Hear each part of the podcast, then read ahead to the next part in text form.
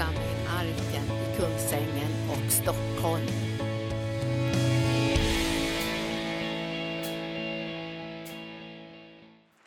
Ni har haft en lång dag och en härlig dag och imorgon ska vi också ha en lång dag. Vi har haft på förmiddagen i morse och vi har haft bön i bönerum och vi har flödesbön och betjäning. Och sen har pastor Gunnar predikat och jag hörde att det har skett många mirakler. Och många av er i bibelskolan och förbönsteamet fick se med era egna ögon när Gud verkade med sin kraft. Och det glädde vi oss över. Och sen har vi haft bibelskoleinformation och jag hoppas att många av er ska känna att det dyrbaraste i livet är att sitta vid Jesu fötter. Ni vet Marta hon valde många saker som hon trodde var väldigt, väldigt viktigt. Men Jesus säger till Maria, du har valt den bästa delen. Och det var någon som hade räknat ut faktiskt, en kille från Norge, att, att om du går på bibelskolan ett år, är det ungefär samma sak som att gå i en församling i 20 år, ett möte i veckan. Så det blir väldigt, väldigt koncentrerat. Och det blir väldigt, du blir väldigt, väldigt påverkad av att sitta vid hans fötter och få vara hans lärjunge. Ibland jag pratade med pastor Gunnar häromdagen och vi pratade om att, att det här att navigera arken under alla dessa år, för vi har ju firat nu över 30 års jubileum. Och ibland har vi känt att vi har stått där vid rodret och hållit liksom tag i styrningen av arken över mörka vatten och ibland sådana monstervågor som har kommit från olika håll. Men vi har haft blicken på Jesus och tänkt vi måste göra det allra yttersta att vara trogen Herren och den kallelse som han har gett oss här i arken. Så vi kan fortsätta och gensvara och bereda den här platsen så att människor ska få möta Jesus och komma hit och bada i hans kärlek, få gråta här, öppna sina hjärtan. Men jag vet ju också att Bibeln säger den som sår med tårar ska skörda med jubel. Och det är därför jag vill att vi ska ta med oss dansskorna. För jag älskar att se när människor bara flödar i den heliga Ande. Och, och, och då säger man, men jag kan ju inte dansa, jag har ju ont i knäna. Men man kan sitta och dansa i sitt hjärta. Man kan dansa med sina händer. Jag såg där i Kambodja, de dansar mer med händerna än med kroppen. Och jag, jag försökte lära mig hur de dansade med sina händer och, och, och, hur man kan få uttrycka också sin kärlek till Gud genom sin kropp och genom sin själ och genom sina händer. Och få uttryck och vi önskar att imorgon ska vi få en sån här riktig jubeldag. Och vi kommer ju ha utrustning också imorgon. Jag tänkte jag skulle nämna bara något jag sa igår, för jag har sett något profetiskt. Och jag vet inte, jag har inte fått någon tidsschema eller någonting från Gud. Jag bara såg någonting som är på väg att hända.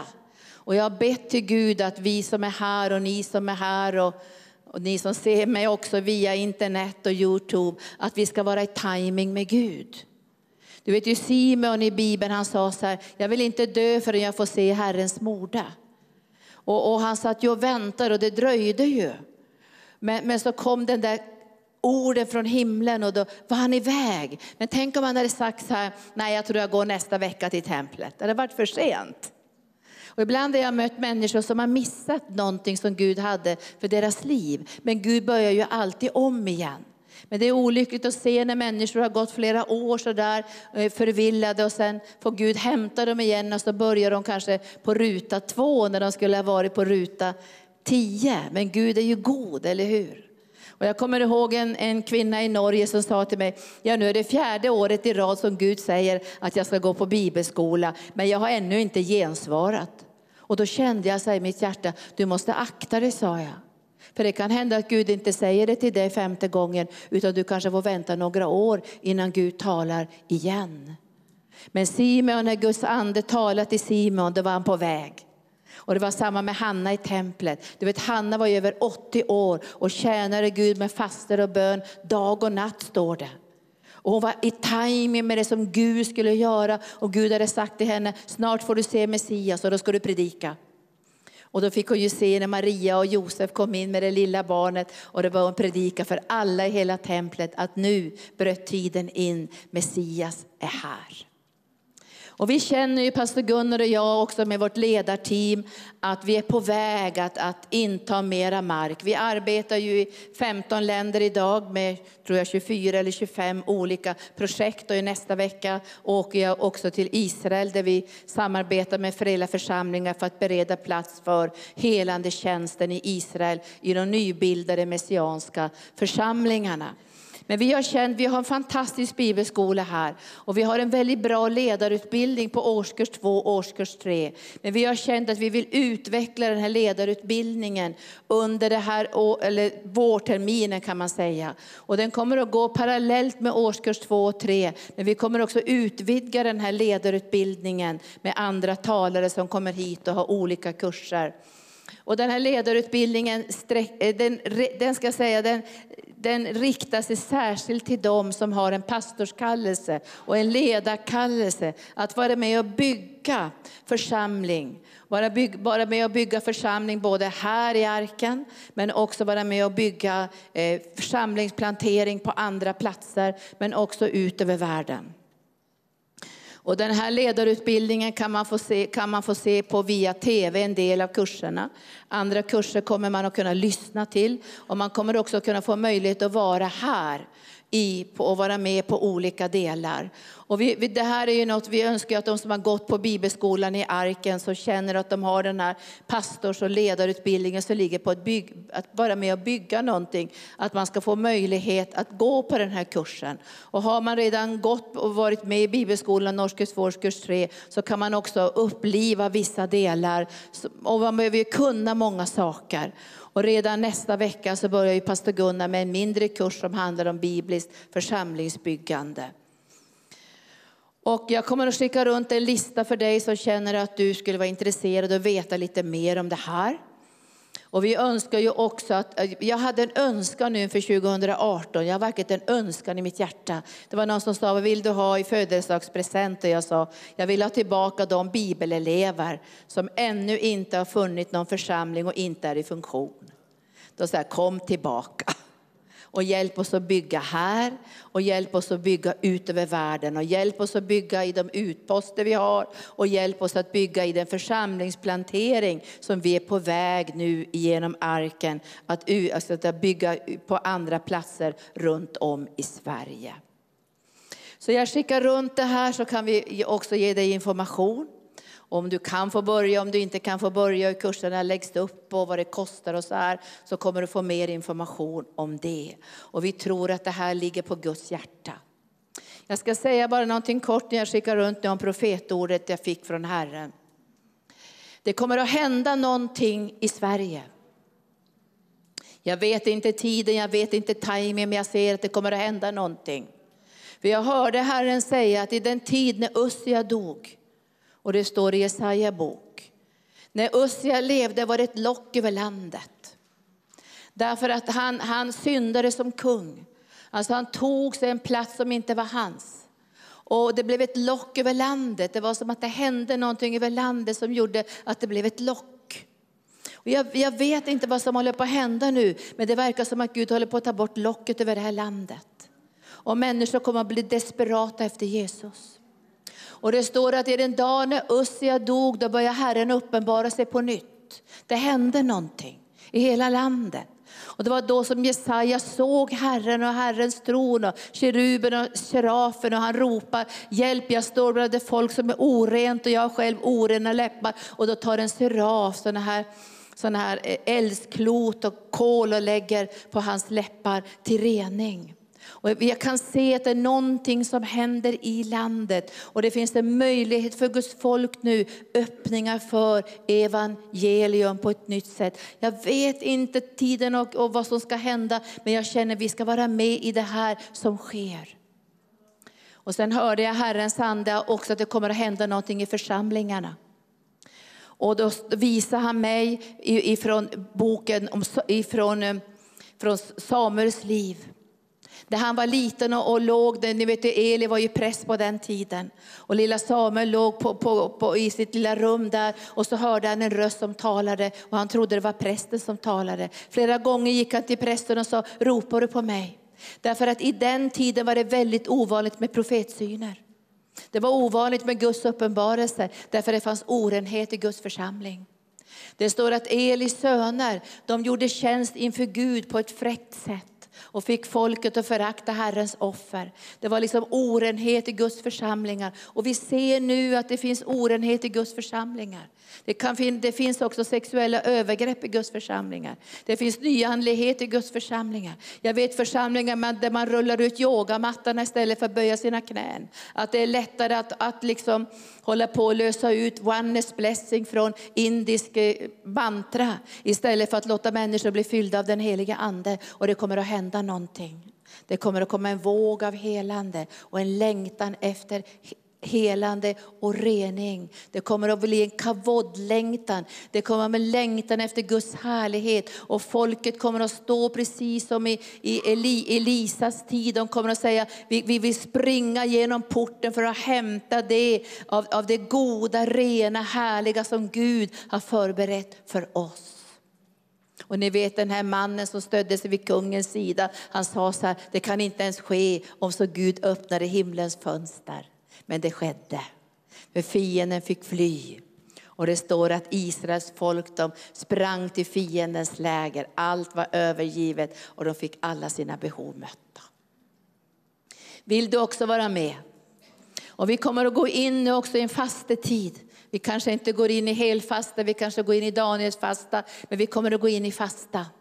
Vi kommer att söka Herren så att vi kan vara kanaler för hans kärlek, kanaler för hans nåd i denna yttersta tid. Därför evangelium måste förkunnas rent och klart så källor kan öppnas i anden så människor kan möta Jesus. För Jesus har inte kommit in i den här världen för att döma världen.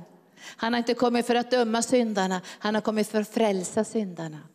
Han har kommit för att ge rening genom sitt blod, helande genom sitt namn. Han har kommit för att upprätta och läka såren. Det är vår frälsare. Han har inte kommit för att döma världen, han har kommit för att frälsa världen. Och vi behöver hjälpa människor som är i den djupaste nöd i världen att hitta vägen till den källa som redan är öppen genom Jesus Kristus. Där finns allt som människor behöver. Jag tänker vi ska be någon minut, vi ska vara i timing. Och jag tror att vi behöver göra prioriteringar också. Vi har hört i anden liksom att djävulen har liksom varit kraftfullt närvarande för att pressa ut människor på arbetsmarknaden så de inte ska ha någon tid över att tjäna Jesus. Alltså det ska ta all tid att få in de här pengarna. Alltså arbetet ska ta all tid, så jag har sett att människor knappt har orkat gå på söndagsmötena. Därför att det har krävts så mycket från världen. Men du och jag måste bestämma oss för, jag vill, jag vill tjäna Herren. Jag vill ge tid för att tjäna Herren. Jag vill att det bästa av mitt liv ska hällas på altarplatsen där Jesus är, för det profetiska. När den här kvinnan hällde sin olja som Torbjörn berättade om från Bibeln, då var det en signal för hans död. Och han säger, det här har du hällt över mig för min begravning. Men du och jag ska hälla över Jesus för hans tillkommelse.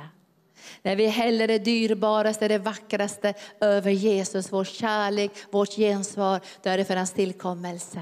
Därför vi ska vara en brud som bara står och väntar honom med utsträckta händer och säger välkommen Jesus. Och du och jag ska vara med. Vi ska inte missa tåget. Vi ska inte missa det som Israels barn i öknen. Gud sa, nu ska ni inta landet. Då knotade de och grinade och gnällde hela natten. Och dagen därpå så ändrade de sig. Då sa Gud, nu måste ni vänta. Och vi ska be om en timing. Vi ska be om en prioritering. Vi ska be om en, att den heliga ande ska hjälpa oss att vara liksom, i harmoni med det som Gud önskar göra. Fastan förändrar inte Gud, men det förändrar mig. Jag märker att fastan skärper mig, fokuserar mig, hjälper mig att se tydligare, ger mig djupare ja till Jesus och, och känna igen vad anden gör så jag kan känna igen strömmarna av den heliga ande. För som ledare måste vi navigera församlingen. Men församlingen måste också vara i timing med det som Gud gör. Därför Gud talar inte bara till ledare, han talar till församlingen i Uppenbarelseboken. Kommer ni ihåg det? Det är församlingen som Gud talar till. Så vi tackar dig nu Jesus för att vi ska vara i timing med dig. Vi ser Herre att det skakar i världen. Vi ser att det skakar i, i kyrkorna, det skakar på arbetsplatserna, det skakar kultur, kulturlivet, det skakar i tv, radion, överallt skakas det, där synden pressas fram. Men vi vet också att där synden överflödar, där överflödar nåden. Och vi ber dig helige Ande att få vara i timing med det som du ska göra i den här världen. För vi känner Herre att det är på väg att bli folkväckelse. Det är någonting som händer i anden. Det är någonting som är på gång i anden. Både i din församling av rening och helgelse. Och det är också någonting på gång i den här världen. Där människorna kommer att söka dig. Och de ska inte hitta en oren församling. De ska hitta en församling som är uppblandad av österländsk andlighet. De ska inte hitta en församling församling med otukt och orenhet. De ska hitta en församling som är ren och helig och avskild för konungarnas konung och herrarnas herre. Och vi ber ikväll från djupet av vårt hjärta att vi ska få vara med Gud när du utför det här verket. När elden, den heliga elden från himlen också prövar vår tro för att den ska kunna få ära när du kommer tillbaka. För du har sagt här att den tro som, som har blivit prövad i eld, den kommer att få ära en dag. För den är värd mer än guldet som har prövats i elden. Och vi ber här att få en tro så vi kan säga som Paulus, jag har fullbordat mitt lopp, jag har bevarat min tro och nu är jag beredd att ta emot segerkransen. Och vi tackar dig Gud för att det kommer att skaka i församlingarna.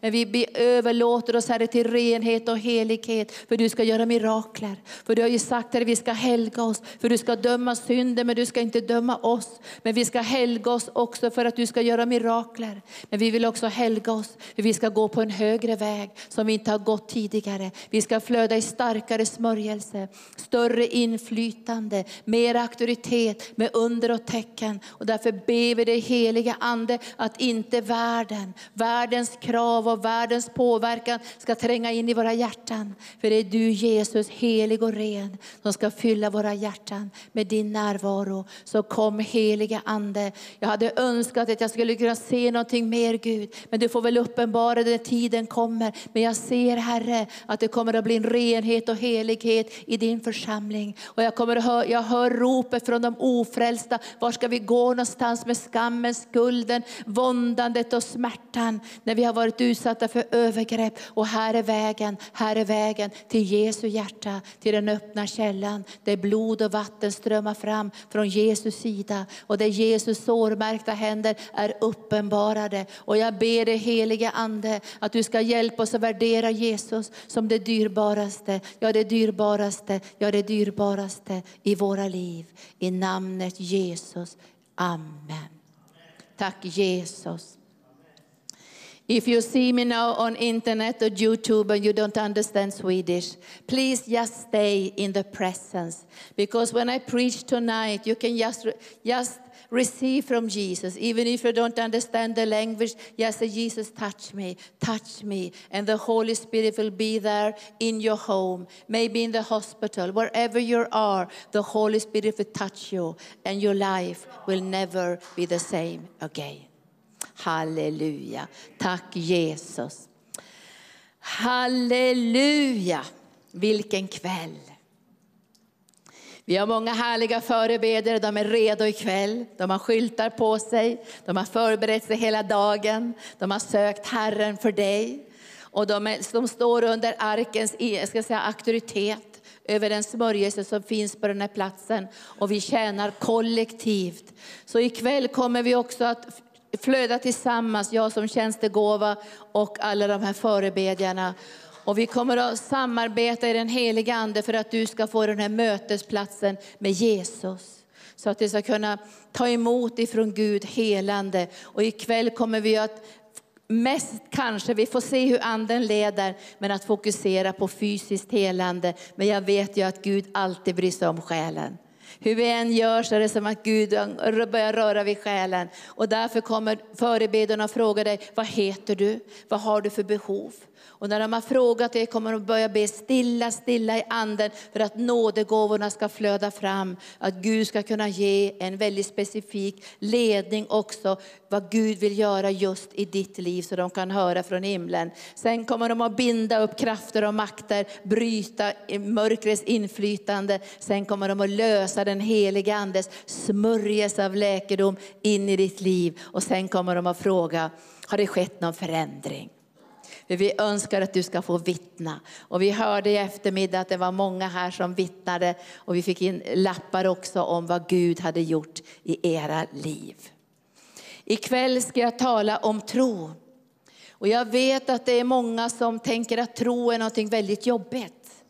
Att tro är någonting man måste prestera eller, eller liksom man måste göra någonting för att få den här trosmotorn i rörelse. Men tro är ju inte en prestation, utan tro är ju ett liv. Alltså tro är ju det liv som vi har fått som nya skapelser. Du som är här ikväll har blivit född på nytt genom Jesus Kristus. Du har fått också ett nytt liv. Och det livet heter att vandra i tro. Tro är egentligen i sitt djupaste väsen en kärleksförklaring till Gud. Det är en andlig kärleksrelation. Och det är det som egentligen Gud hade tänkt att mänskligheten skulle leva i innan syndafallet. Det fanns ju ingen lag innan syndafallet. Lagen fanns inte innan syndafallet, utan det fanns bara kärleksrelationen. Människan skulle älska Gud, leva genom kärleken. Och när, när man frågar Jesus vad är det högsta och största budet, då säger han så här, du ska älska Herren din Gud med hela ditt hjärta med hela din själ och med all din kraft. Vi är skapade för att älska Gud. Det är tro, att älska Gud. Tro är en kärleksförklaring till Gud. Jag ska visa det här ikväll. Och jag hörde pastor Gunnar hade sagt så här, den här ja tack-tron. Den här, jag tror på dig bara för att du har sagt det Gud. Bara för att du har sagt det, jag litar på dig så tror jag på det. Det är väl en kärleksförklaring. Om pastor Gunnar skulle säga till mig så här, Linda jag älskar dig. Då skulle inte jag sitta och säga, ja men visa det då. Jag vet inte riktigt om jag tror på det. Jag har inte fått bevisen nog på det här. Och jag skulle börja krångla med den kärleksförklaringen. Jag tror att han skulle vissna då. Jag skulle tacka att du älskar mig, jag ska mitt hjärtas gensvar. Och det står ju att, att, att Gud har älskat först. Han har älskat först. Står det i Johannesbrevet, han har älskat först. Och sen gensvarar vi till den kärleken. Och det är det som är själva tron. Och det står också i Romarbrevet 5 och 5 att Guds kärlek är utgjuten i våra hjärtan genom den heliga Ande. För vi kan inte leva i tro utan den kärleken. Och det är därför det är så viktigt för oss att vi får ha en atmosfär där Guds kärlek kan lösas ut. Genom den helige Ande. För vi kan inte vandra i tro utan den här kärleken. Det går inte. Det går bara sönder. Det blir bara prestation. Det blir bara ångest av allt sammans. Det vi känner, jag har inte tro nog, jag har inte tro, det bär inte, det bär inte. Så vi måste få den kärlekskontakten. Och därför är det så viktigt varje dag att vi säger, kom helige Ande och fyll mig nu med den kärleken, agape-kärleken, så att jag kan ge mitt gensvar i tro. Mitt gensvar är tro. Och Paulus han säger ifrån Romarbrevet kapitel 1, de här fantastiska orden i 16 versen. Säger, jag skäms inte för evangeliet. Jag skäms inte för Jesus skulle jag säga och älskar Jesus. Ibland är jag i sammanhang där alla skulle tycka det var jobbigt om jag sa någonting om Jesus. Jag känner att det var fel situation, det var fel tillfälle, men då tycker jag det är så underbart att säga jag älskar Jesus. Jag är så stolt över Jesus. Jag försöker få, vilket, försöker få tillfällen i varje möte med människor att kunna säga jag älskar Jesus. Det är därför jag gör det jag gör, det är därför jag lever som jag lever, för jag älskar Jesus. Och då säger Paulus, jag skäms inte för evangelium, för det är Guds kraft till frälsning för var och en som tror. Det är Guds kraft till frälsning för var och en som tror det. Att Jesus har dött på Golgata kors och vunnit seger. Det är där vår tro förankras i Jesus Kristus och i försoningsgärningen. Inte i oss själva vad vi kan prestera och göra, utan vår tro har sitt ankare i Jesus själv. Den som tror detta, att han har dött för våra synder, han har uppstått och vunnit seger över mörkrets makter. Han har tagit alla Satans vapen och lagt dem under Jesu, under, under sina fötter. Han har klätt av alla herrar och makter och ställt dem till skam. Och han har spikat fast skuldebrevet på korset och han har gett oss frihet. Tror vi detta? Då löses kraften ut. Och Paulus vet det, att Guds kraft kan inte vara ohängig segern på Golgata. För Jesus säger i Johannes evangelium kapitel 7, när han ropar på lövhyddehögtidens största dag, så säger han, kom till mig och drick. Detta sa han om den heliga ande, men han var ännu inte utgjuten, den heliga ande, därför Jesus var ännu inte förhärligad. Han hade ännu inte gått in i det allra heligaste med sitt dyra blod. Och Paulus visste Evangeliets kraft förlöses genom försoningen när du och jag tar emot i tro. När vi öppnar våra hjärtan och tar emot i tro. Och så säger han vidare så här, han säger så här då, att det var först och främst för juden men också för greken. I evangeliet uppenbaras rättfärdighet från Gud. I evangelium uppenbaras rättfärdighet från Gud. Vad betyder det? I evangelium uppenbaras Guds godkännande. När du tar emot Jesus så säger Gud vägen är öppen hem. Det finns bara en enda väg. Det finns bara en enda kropp och det är Jesu Kristi kropp som är sönderbruten för vår skull. Genom hans kropp som är det heliga kan vi gå in i det allra heligaste. Genom hans död, genom hans sönderbrutna kropp kan vi gå in i det allra heligaste och tas emot ifrån Gud. Tas emot av Gud. Det är rättfärdighet. Från tro till tro. Han säger i evangeliet uppenbaras rättfärdighet från Gud. Från tro eller av tro till tro. Det står ju skrivet, den rättfärdige ska leva av tro. Det är ett helt nytt liv som du och jag har fått. Vi ska leva av tro. Inte på oss själva, men tro på Jesus Kristus och på det som han har fullbordat för oss i sin död på Golgata kors. Och redan långt, långt tillbaka, tusentals år tillbaka, så börjar Gud beskriva trons väg genom Abraham. Och Abraham kallas ju för trons fader.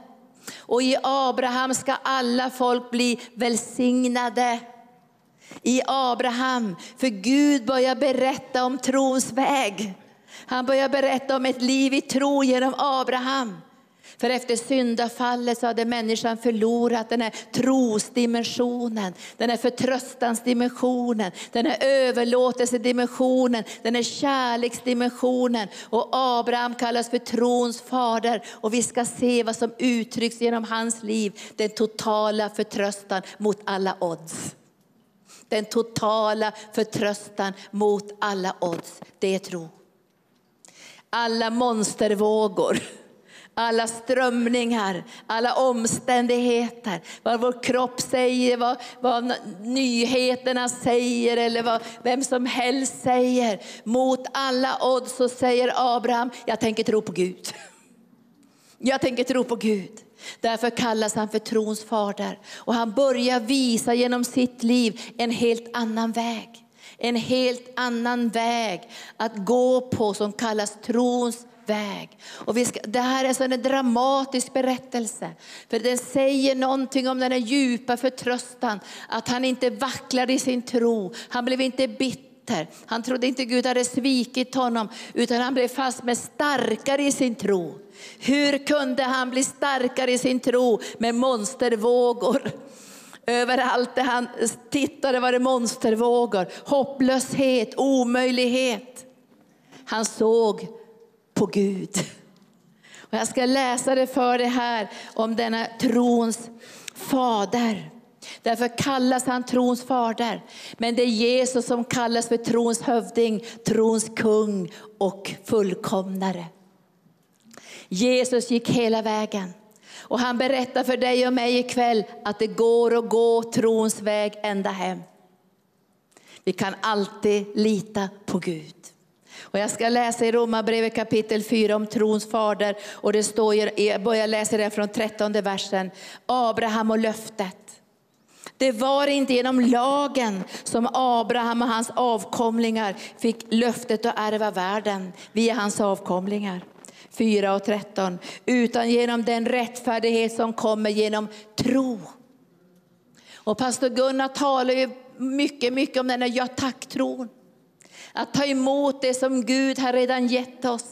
Ta emot genom Guds löften. Att lita på det som Gud har sagt.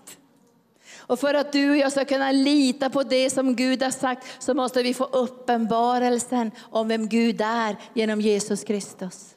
Och jag tror att djävulen han förvränger. Han, man nästan som man går till spegelhuset på Gröna Lund och man ser liksom förvrängda bilder. Förvrängda bilder av sig själv och förvrängda bilder av Gud. Och, och lögner och överdrifter och underdrifter så man ska få en felaktig bild av Gud. Men genom Jesus Kristus, genom hjälpen av den heliga Ande så kan vi se vem Gud är. Och då kan vår tro växa. Det är för han som säger orden han har kvaliteter av trofasthet och kärlek. Och han har lovat att aldrig någonsin lämna oss och aldrig någonsin överge oss. Det är vår frälsare. Tack Jesus. Och nu säger, nu säger Gud, nu säger Gud genom, genom Paulus så här, de som håller sig till lagen, om de håller sig till lagen, om det som håller sig till lagen blir arvingar, då är tron meningslös. Och löftet upphävt. Lagen framkallar ju vrede. Men där ingen lag finns, där finns inte heller någon överträdelse. Därför heter det av tro, för att det ska vara av nåd. Och löftet står fast för alla hans avkomlingar, inte bara för dem som hör till lagens folk, utan också de som har Abrahams tro. Han är allas vår far, som det står skriven, skrivet, jag har gjort det till en far till många folk. Och det är han inför den som han trodde på, Gud som ger liv åt de döda och kalla på det som inte är till som det var till. Kalla på det som inte var till som det var till. Där hoppet var ute hoppades han ändå och trodde och blev så far till många folk som det var sagt. Så ska din avkomma bli. Han vacklade inte i tron när han tänkte på sin döda kropp. Och jag tänker vi, borde, vi skulle alla vackla i tro om vi tänkte på vår döda kropp. Eller om vi tänkte på vad som skulle kunna ske med vår kropp. Eller om det finns sjukdomar i vår kropp. Eller om vi tänkte på att vi skulle dö en dag. Då kanske vi vacklar på insidan. Men du och jag, vi vet idag att vi ska uppstå från de döda. Vi ska leva i härligheten med Jesus Kristus. Vi ska vara med när det nya Jerusalem kommer från himlen. Vi ska vara med när den nya jorden föds på nytt. Där ska du och jag vara med. Och när Abraham såg på sin kropp, den var så som död, den var uttorkad. Allt det naturliga var ute. Det var skarpt läge. Det är ganska lätt att ha tro när man tycker att det här klarar jag av själv. Och ibland vet man inte hur mycket man har kvar av sitt eget. Och därför får man göra den överlåtelsen varje dag till Gud och säga mitt eget räcker inte till. Det räcker inte till, men jag vet att du är bortom allt det naturliga. Och jag vet Herre att du är en Gud, därför kan vi kalla på det som inte finns till så som det fanns på grund av ditt löfte. Och det är därför som du och jag med frimodighet kan säga genom Jesus år har jag fått helande. Halleluja rakt in i ansiktet på mörkrets makter, rakt in i ansiktet på sjukdomar och omständigheter kan du och jag säga genom Jesus sår är jag helad. Och fastän din kropp skulle säga det tycker jag inte att det ser ut som det. För Abrahams kropp den vittnade om att allt hopp var ute. Och Saras moderliv vittnade om att allt hopp var ute. Men de hade trons ande. Och trons ande var fäst vid Guds hjärta. Och nu ska vi läsa vad han säger här. Vad han säger i sin bönekammare. Han säger säger så här, han vacklade inte i sin tro när han tänkte på sin döda kropp. Han var omkring hundra år och Saras moderliv var dött. Han tvivlade inte i otro på Guds löfte utan blev istället starkare i tron för han gav Gud äran. Han blev fast med starkare i sin tro.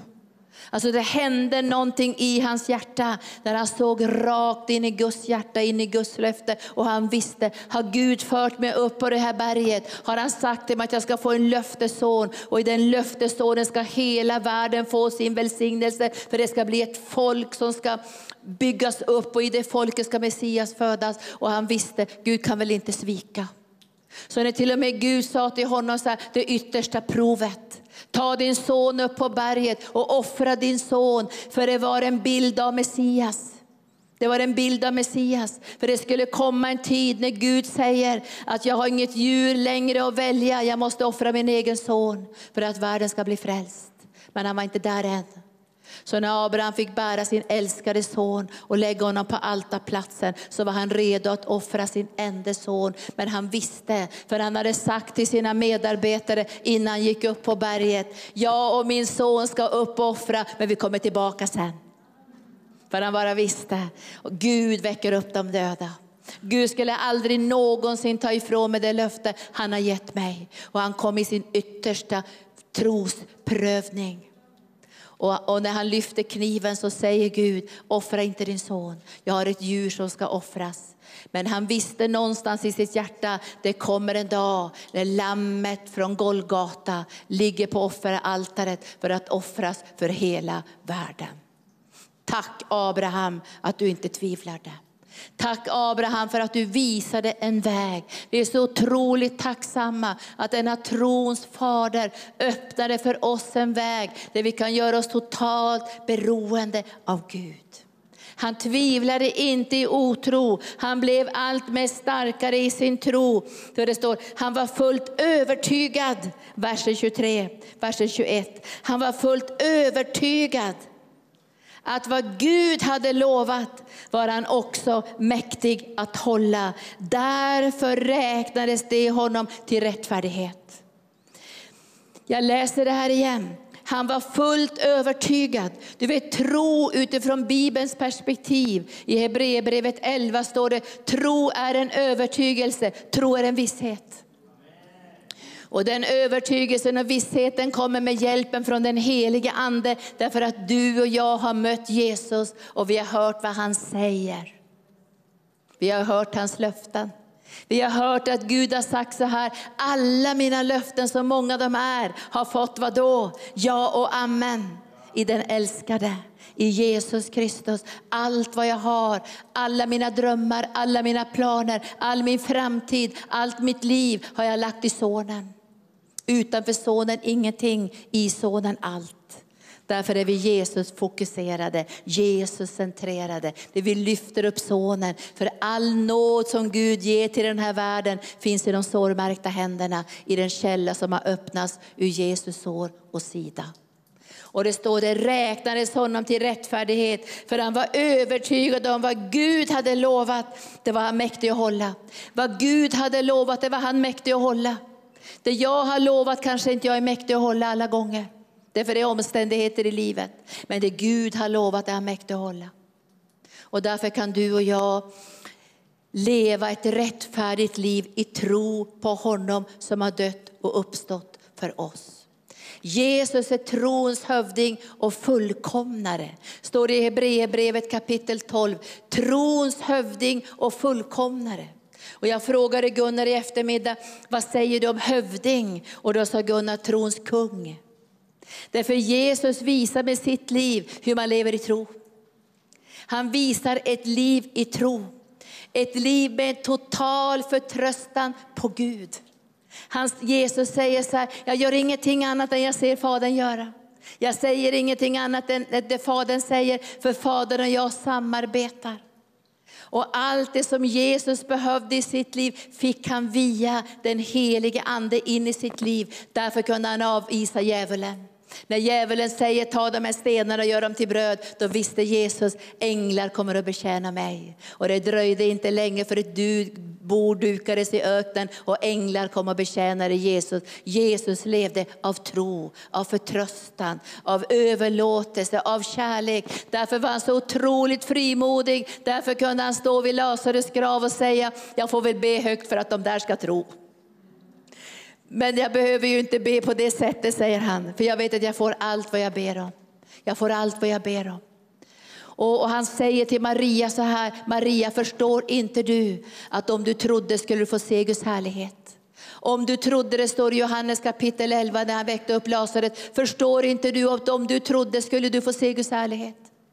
Och det är därför tron är så viktig på Guds löften, därför att utan tro får vi inte se Guds härlighet. Det är inte gensvaret till Gud som gör att vi får se Guds härlighet. Det är inte våra egna gärningar. Det är inte våra egna ambitioner, våra egna program eller våra egna managementsgrejer eller att vi lyckas göra ett, två, tre. Det är tro på, det är tro på Jesus som gör att Guds härlighet kan uppenbaras. Och Jesus säger, sa det att om du trodde skulle få se Guds härlighet. Och Guds härlighet, vad var det i den situationen? Vad Lazarus fick livet igen. Det var Guds härlighet. När Guds härlighet sänkte sig över den här graven så kom Lazarus ut ur graven. Och han hade bindlarna på sig fortfarande och han hade luktat för det var fyra dagar. Och jag brukar säga till pastor Gunnar idag, ibland luktar det. Och man tänker så här, ska vi ge upp för det luktar nu? Jesus ska vi inte upp för det luktar i graven. Och Gud kommer inte ge upp det det luktar i synden och mörkret och världen och allt där människorna förstör sina liv. Han ger inte upp. För det synden överflödar, överflödar nåden. Och Marta och Maria de säger, men han legat fyra dagar i graven, det, det är ingen idé nu, han luktar ju redan. Sa det inte om du trodde. Och Jesus trodde bortom döden, han säger, men jag är ju uppståndelsen och livet. Den som tror på mig ska aldrig någonsin dö. Det var den tro som Jesus hade. Att döden hade inte sista ordet och därför kunde han kalla ut Lazarus. Och vi längtar ju så mycket efter Guds härlighet. Men vi måste förstå dimensionen av tro. Att lyssna till vad Herren säger och ge vårt gensvar.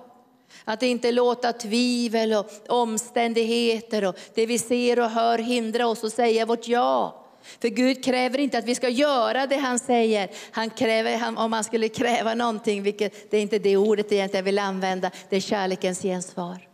När Jesus säger någonting så säger vi okej, okay, vi tror det. Mot alla odds. Omständigheterna vittnar någonting annat. Vågorna är höga, bergen är höga, dalarna är djupa. Men har du sagt det Jesus så tror vi på det. Och Jesus säger bara kom ut och Lazarus får liv. Sade jag inte om du, att du, om du tror ska du få se Guds härlighet. Och vi längtar efter i det här landet att få se Guds härlighet. Vi längtar efter att få se Guds genombrott, vi längtar efter att få se mirakler och under och tecken. Men vi behöver tro på vad Gud säger. Vi kan inte göra om teologin vänner och säga men Gud hela bara ibland. Ja men han vill nog inte hela nu, det blir någon skorpion idag. Eller han är på dåligt humör eller han har nog ändrat sig och det finns inget helande. Vi måste gå tillbaka till Guds ordet och ta reda på vad säger Gud om helande. Hur helar Jesus? Vilka löften har vi fått? Hur har de uppfyllts i Jesus Kristus? Och de löftena ska du och jag bekänna mot alla odds.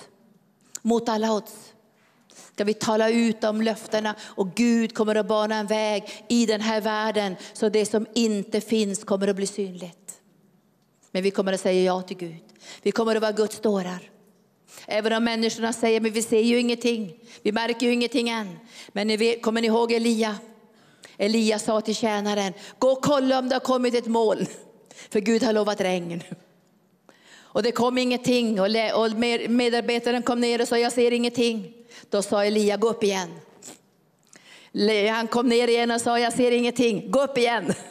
För han visste vi ska kalla på de ting som inte finns så som de fanns.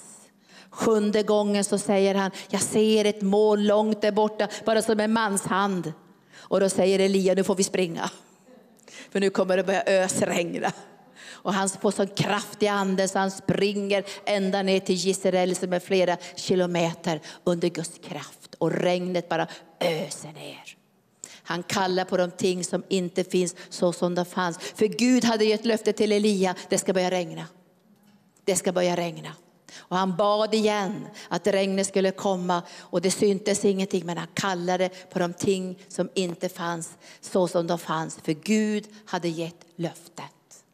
Det här är trosliv förstår ni. Och det är lite grann en dåres liv också. Därför i världen så säger man jag tror om jag ser det. Men vi säger vi tror fast vi inte ser det. Det är kärleksrelationen, det är trons själva uttryck. Vi tror det innan vi har sett det. Vi tar emot det innan vi har sett det bara för att du har sagt det. Det är kärleksrelationen. Det är själva uttrycket för den här kärleken. Och det står i Hebreerbrevet att, att Paulus, jag vet inte om det är Paulus som har skrivit det, men Troligtvis är det det, men det står i kapitel 12 att när vi har en sån stor sky av vittnen omkring oss, så låt oss lägga bort allt som tynger och särskilt synden som snärjer oss så hårt och löpa uthålligt i det lopp som vi har framför oss och låt oss ha blicken på Jesus som är trons upphovsman och fullkomnare, eller trons hövding och fullkomnare. Det är Jesus som har bestämt att vi ska leva i tro. Och han visar med sitt exempel att det går. För man, man, möter ju många människor man tycker, går det att leva i tro? Och alla lyckas inte leva i tro. Många tappar tron och kapsejsar efter vägen och blir bittra på olika sätt. Men Jesus klarade denna trons vandring hela vägen. Och därför har Gud lyft honom och gett honom namnet över alla andra namn. Därför säger författaren till Hebreerbrevet, ha blicken på Jesus. För om du och jag har blicken på människor kanske vi blir besvikna. De kanske springer sitt lopp och faller på målsnöret. Eller de springer sitt lopp och stannar efter vägen och, och, och lyssnar inte till Herren. Och du har liksom satt din tro till att jag ska springa efter den här människan. När jag var ung så tyckte jag om orientering och jag vann brons en gång i orientering. Men jag, jag hade svårt att hitta i skogen. Och ibland var det olika lopp så det var olika banor så att det var olika banor för olika åldrar. Men en gång så, så tyckte jag det gick så dåligt för mig så jag tänkte jag ska springa efter den som springer snabbast. Och jag började springa efter någon och jag följde den i skogen. Kom på helt fel bana. Jag förlorade det loppet. Och jag har tänkt många gånger på att vi kanske tänker, ja men den där människan springer ju så bra i tro. Den där människan, och Bibeln säger, titta på de hjältarna eller ledare som har levt i tro och efterföljt deras tro men har blicken på Jesus. Därför är det bara Jesus som har levt det här troslivet till hundra procent och klarat det. Varje prövning, varje omständighet, allt mörker, alla vågor, allt som kom i hans liv, så kom han igenom. Och därför säger Bibeln, ha blicken på honom. Ha blicken på honom. Trons upphovsman och fullkomnare. Han har vandrat före och det kommer ingenting i ditt liv, det kommer ingenting i din framtid som han inte har segrat över. Han har gått före. Och du och jag ska gå i förutberedda gärningar, trons gärningar, trons gensvar ifrån vårt hjärta. Han är med oss alla dagar, trons hövding och upphovsman och manar i min ande och i din ande. Lita på Gud, lita på Gud, lita på Gud, lita på Gud, lita på Gud. Och plötsligt blir Guds röst starkare än alla andra röster. Guds röst blir starkare, Guds löfter blir starkare än allting annat. Jesus talar med sina lärjungar att de har för svag tro. Han, han, han förmanar sina lärjungar och säger, varför har ni så svag tro? Och han säger, ni har så lite tro. Och jag ska ta några saker i Bibeln där han talar till sina lärjungar och man känner att han blir ledsen på dem. Därför han, han säger, kan ni inte lita, ni ser ju hur jag lever. Ni ser vilken förtröstan jag har på Gud. Kan inte ni också lita på Gud? Var inte som världens människor. Och det första området är Guds omsorg. Visst är det svårt ibland att tro på Guds omsorg. Jag har fått överlåta mig många gånger och säga, lita på din omsorg Gud. Jag litar på din omsorg. Jag vill inte vara som hedningarna som varje dag undrar vad jag ska äta och dricka, vad jag ska klä mig med. För jag vet här att du ska försörja mig. Och det står här i Bibeln, ska bara, vi ska bara ta lite snabbt ikväll, ifrån Matteus 6, där Jesus är verkligen ledsen. Jag bara kände att, att han var så bedrövad. Och så sa han så här, men förstår inte ni vem er far är? Och vi behöver uppenbarelse om vem vår far är. Så vi kan börja få en förtröstan. Därför tro är inte stress, tro är inte kramp, tro är vila. Och den enda plats där du och jag kan vila är i Jesus Kristus. Och i alla de löften som har gått till sin fullbordan. Det finns ingen vila någon annanstans. Vi kan inte vila i bankkontot. Det går inte att vila i människor. Det går inte att vila i flyktigheten. Men vi kan vila i Jesus. Trons vila. Och Bibeln säger ännu står en tid och en plats färdig för Guds församling att gå in i trons vila. Här säger Jesus till dem, varför, varför bekymrar ni er i 25 versen? Varför bekymrar ni er för ett liv? Vad ni ska äta och dricka, för er kropp, vad ni ska klä med. Är inte livet mer än maten och kläderna mer, kroppen mer än kläderna? Se på himlens fåglar, de sår inte. De skördar inte och samlar inte i lador och ändå föder er himmelska fader dem. Och ni är värda mycket mer än dem. Vem, vem av er kan med sitt bekymmer lägga en enda aln till sin livs, livslängd?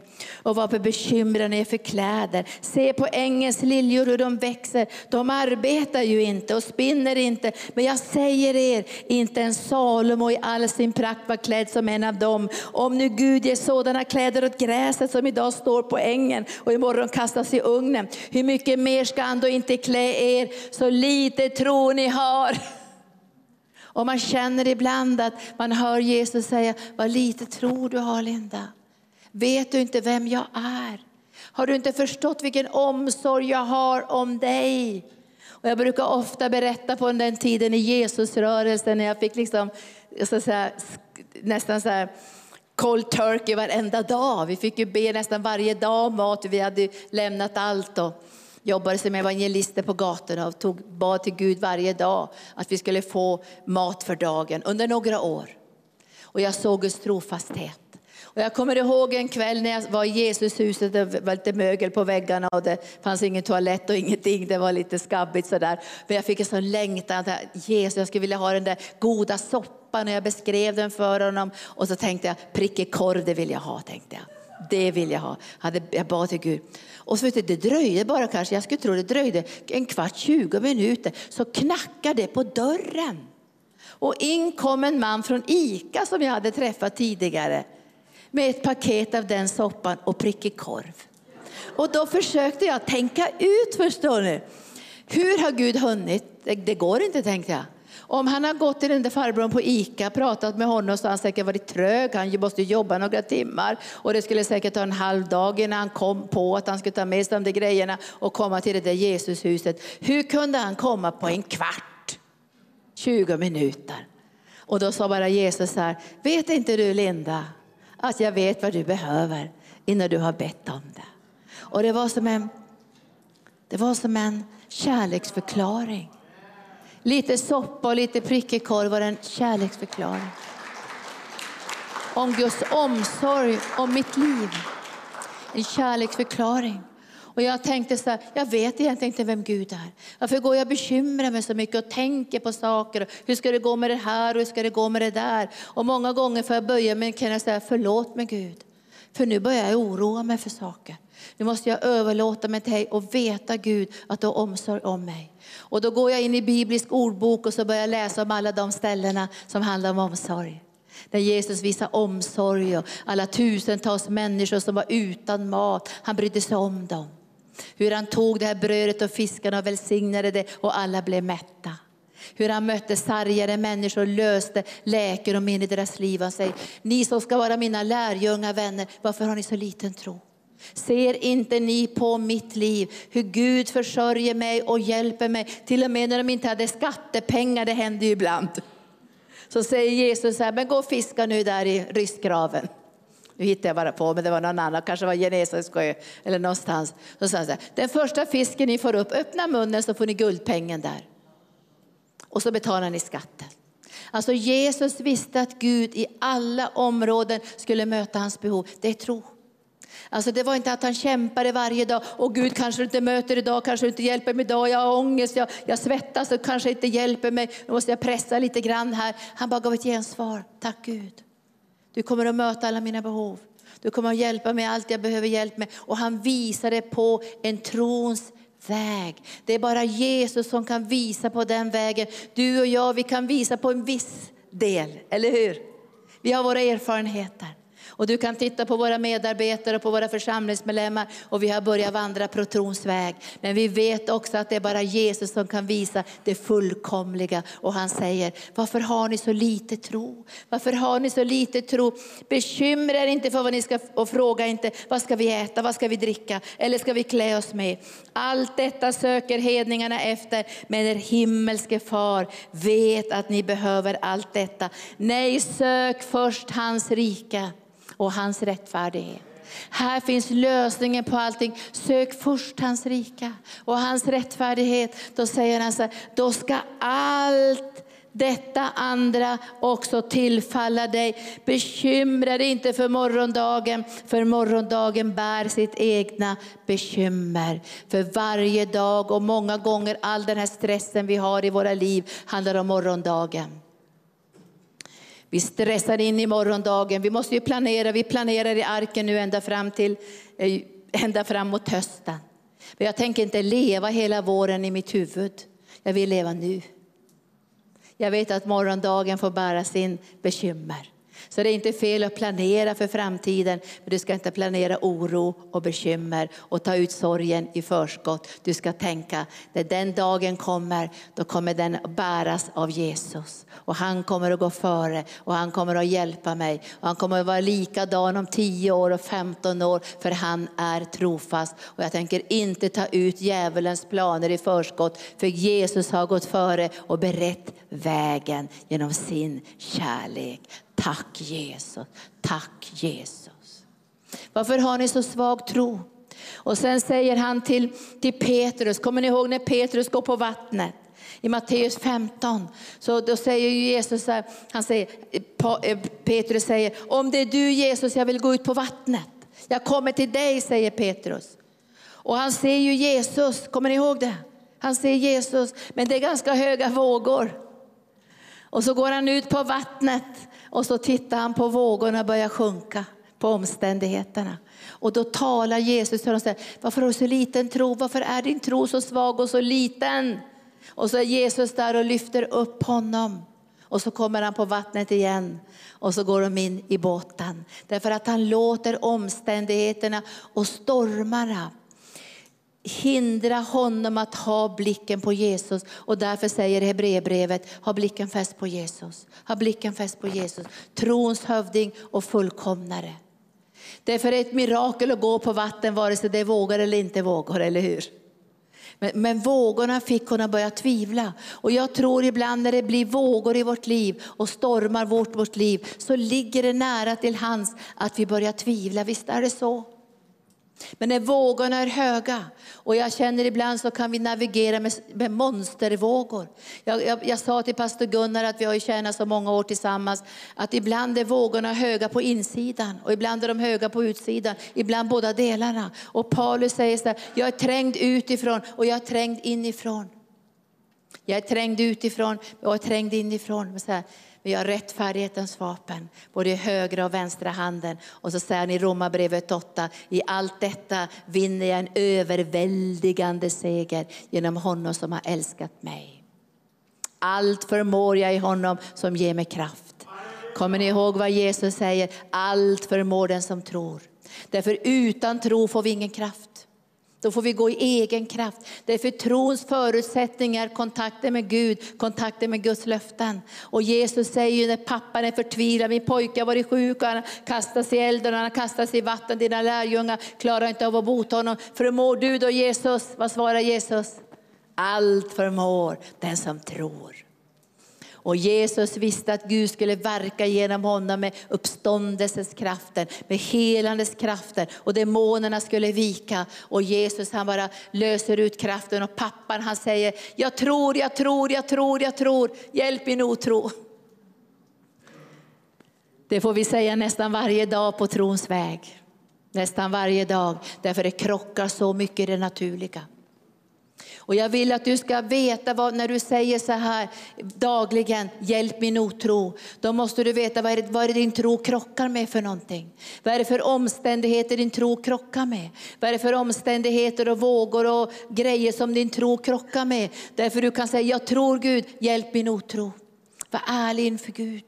Därför då växer du i tro. Därför den här mannens problem hindrar inte Jesus att verka, eller hur? Jag tror, hjälp min otro.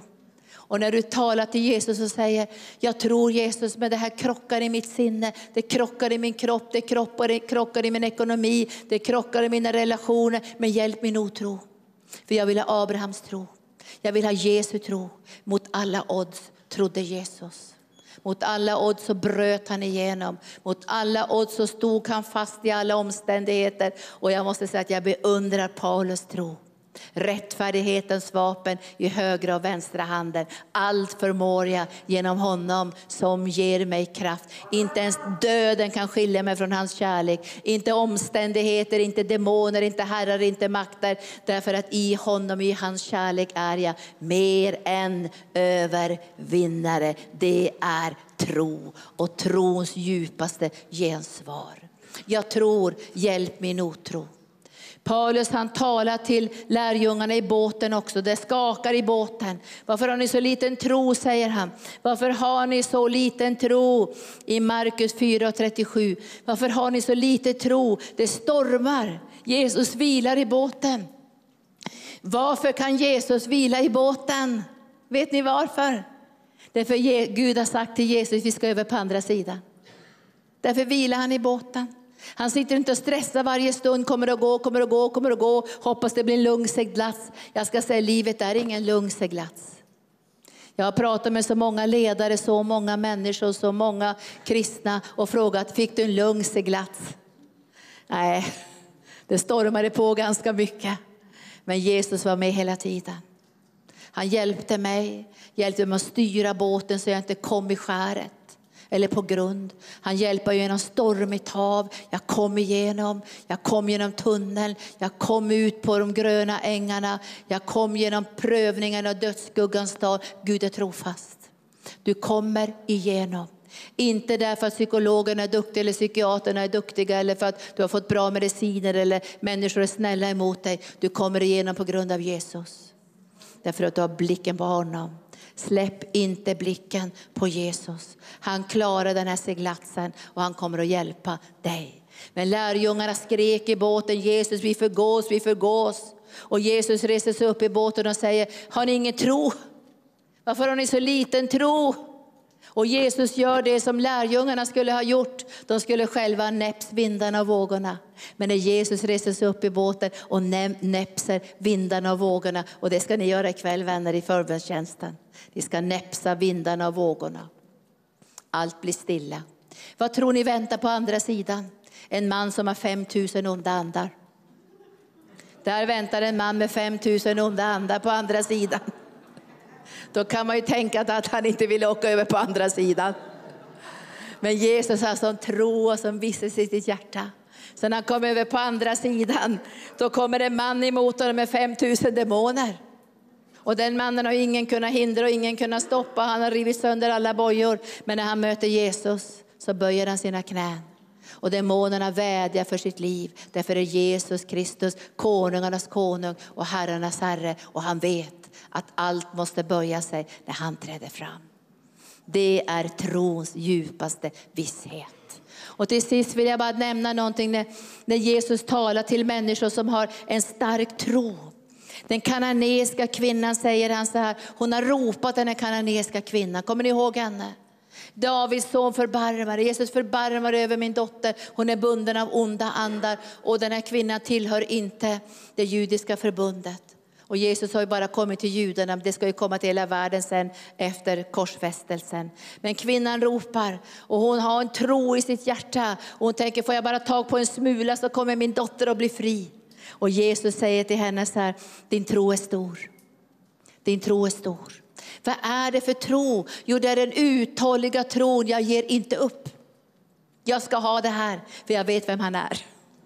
Genom tro och uthållighet ska du få vad utlovat är. Med tro och uthållighet. Lärjungarna sa till kananeiska kvinnan, få tyst på henne nu.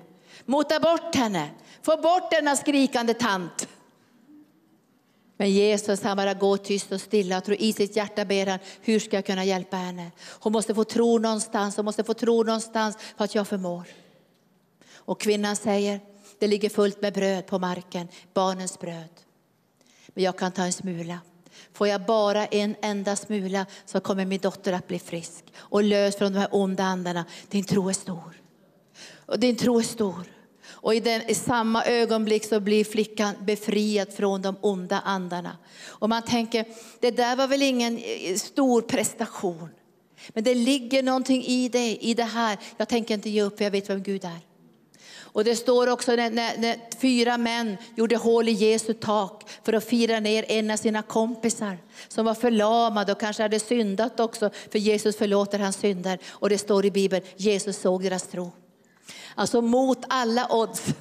De tänkte så här, vi bryter igenom.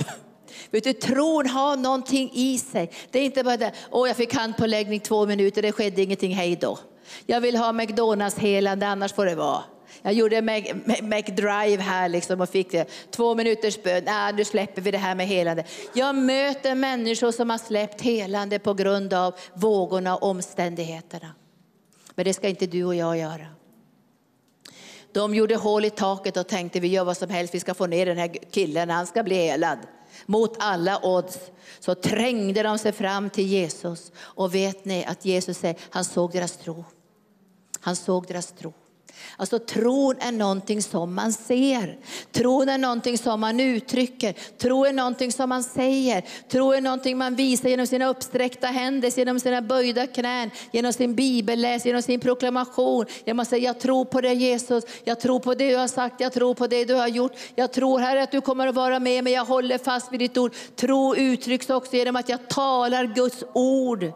Och Jesus säger till kvinnan med blodgång på e- i ett av evangelierna att det du har sagt nu frälser dig. Och vad hade hon sagt för någonting? Får jag bara röra vid hans mantelfåll kommer jag bli botad. Alltså hon uttryckte tro och Jesus säger din tro har hjälpt dig. Din tro har frälst dig. Och till hövitsmannen, han talar om den starka tron bland människor som kanske inte alls är i lärjungaskap. Men han önskar vi som är i lärjungaskap, som känner Jesus. Vi ska ju predika för dem som inte känner Jesus. Vi ska ju predika för människor i Afrika, och Indien, och Nepal, och i Sverige och Finland som inte känner Jesus. De ska vi predika för och vi ska berätta vem han är. Och det är därför som Jesus tror jag är strängare mot sina lärjungar. När han talar till dem och säger, ni måste gå före och leva som jag lever i en förtröstan på vem Gud är och vem Gud har sagt att han ska vara. Och vi har ju fått hjälpen från den helige Ande. Jag tänker det här kan jag aldrig prestera själv, men den helige Ande ska uppenbara Guds hjärta. Guds hjärta gång på gång på gång. Göra orden levande så att du och jag hör löftesorden rakt in i vårt liv. Och ikväll ska vi gå fram till Jesus med en sån visshet och en sån förtröstan och en sån övertygelse i våra hjärtan att det han har lovat är han mäktig att hålla. Och vi ska tänka ikväll så här, det ska inte vara något som ska ske nästa vecka utan vi ska säga nu. Eller hur? Nu och den här, den här hövitsmannen, jag tar honom till sist då ifrån Lukas 7. Den här hövitsmannen, man, man är liksom gripen av en människa som inte är i lärjungaskap. Men ändå så vet man här att han har, han har en sån förtröstan på Jesus. Och det ska vi titta här i Johan, vad sa jag för text? Jag sa Lukas 7 så ska vi titta där. En hednisk officers tro. När Jesus hade hållit hela sitt tal till folket som lyssnat gick han till Kapernaum. En officer där hade en tjänare som var sjuk och döende. Han uppskattade tjänaren mycket. När han fick höra att Jesus, om Jesus så sände han några av judarnas äldste till honom och bad honom komma för att rädda hans tjänare. Då kom Jesus och han bad honom ivrigt. Han är, inte värd att du, han, är, han är värd att du gör det för honom. Han älskar vårt folk. Och, och det är han som har byggt synagogan åt oss. Jesus gick med dem. Han var nästan framme vid huset när officeren skickade några vänner och lät hälsa honom. Herre, gör dig inte besvär. Jag är inte värd att du går in under mitt tak. Därför tyckte jag mig Därför tyckte jag mig inte heller värdig att komma till dig. Men säg ett ord så blir min tjänare frisk. Jag är själv en man som står under befäl och jag har soldater under mig. Säger jag till en så går han och till en annan kom så kommer han och till min tjänare gör det här så gör han det. När Jesus hörde detta blev han förundrad över honom och han vände sig till folket som följde honom och sa, jag säger er, inte ens i Israel har jag funnit en så stark tro. Och de skickades ut och återvände hem och fann tjänaren frisk. En sån stark tro. Vad var det som var starkt i den här tron? Alltså det var att Jesus levde i en sån total gemenskap med Gud. Att Jesus bara kunde säga, gå så gick det. Kom så kom det. Alltså han kunde använda bindeln, lösenyckeln och det är det som ni ska använda ikväll, förebedjare. När vi genom Jesu namn och den heliga Andes smörjelse kan säga nu binder vi dig Satan och alla dina gärningar. Då står det i Bibeln, det som är bundet på jorden är bundet i himlen. När vi löser på jorden så är det löst också i himlen. Vi samarbetar med himlen genom tron. Vi tror inte att vi ska klara av det här. Det är inte för att vi ber högt eller skriker eller grejer, utan det är för att Jesus har vunnit seger. Därför så går vi på trons väg och löser den helige andes läkedom och binder upp krafter och makter som binder människor. Och vi sammanför dem med Jesus med en förvissning och en förtröstan och en visshet. Jesus är här. Och det ska vi göra ikväll. Trons gensvar mot alla odds. Mot de djupa vattnen, mot omständigheterna, mot vindarna, mot allt som kommer emot era liv. Så tar vi nu och riktar vår blick på Jesus, trons hövding och fullkomnare. Och du har sagt här att vi ska se på honom så vi inte blir trötta och uppgivna i våra hjärtan.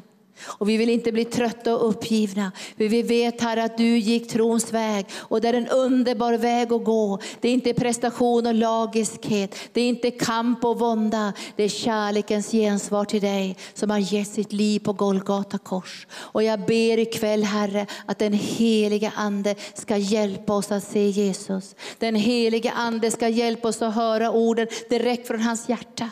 Därför ordet är ju utandat från himlen. Och när vi hör oförebedjarna bedja ikväll så hör vi Jesus. Och vi hör honom säga, Karin, Lena, Per ska aldrig lämna dig. Luta dig mot mitt bröst och kom in i min vila. För trons vila handlar om att jag har fullbordat allt. Det är redan färdigt. Du är redan förlåten. Du är redan befriad. Du är redan renad i mitt blod. Du är redan löst ur fångenskapens band. Du är redan frälst. Bara öppna ditt hjärta och låt den helige ande förmedla in i ditt liv det som redan är givet.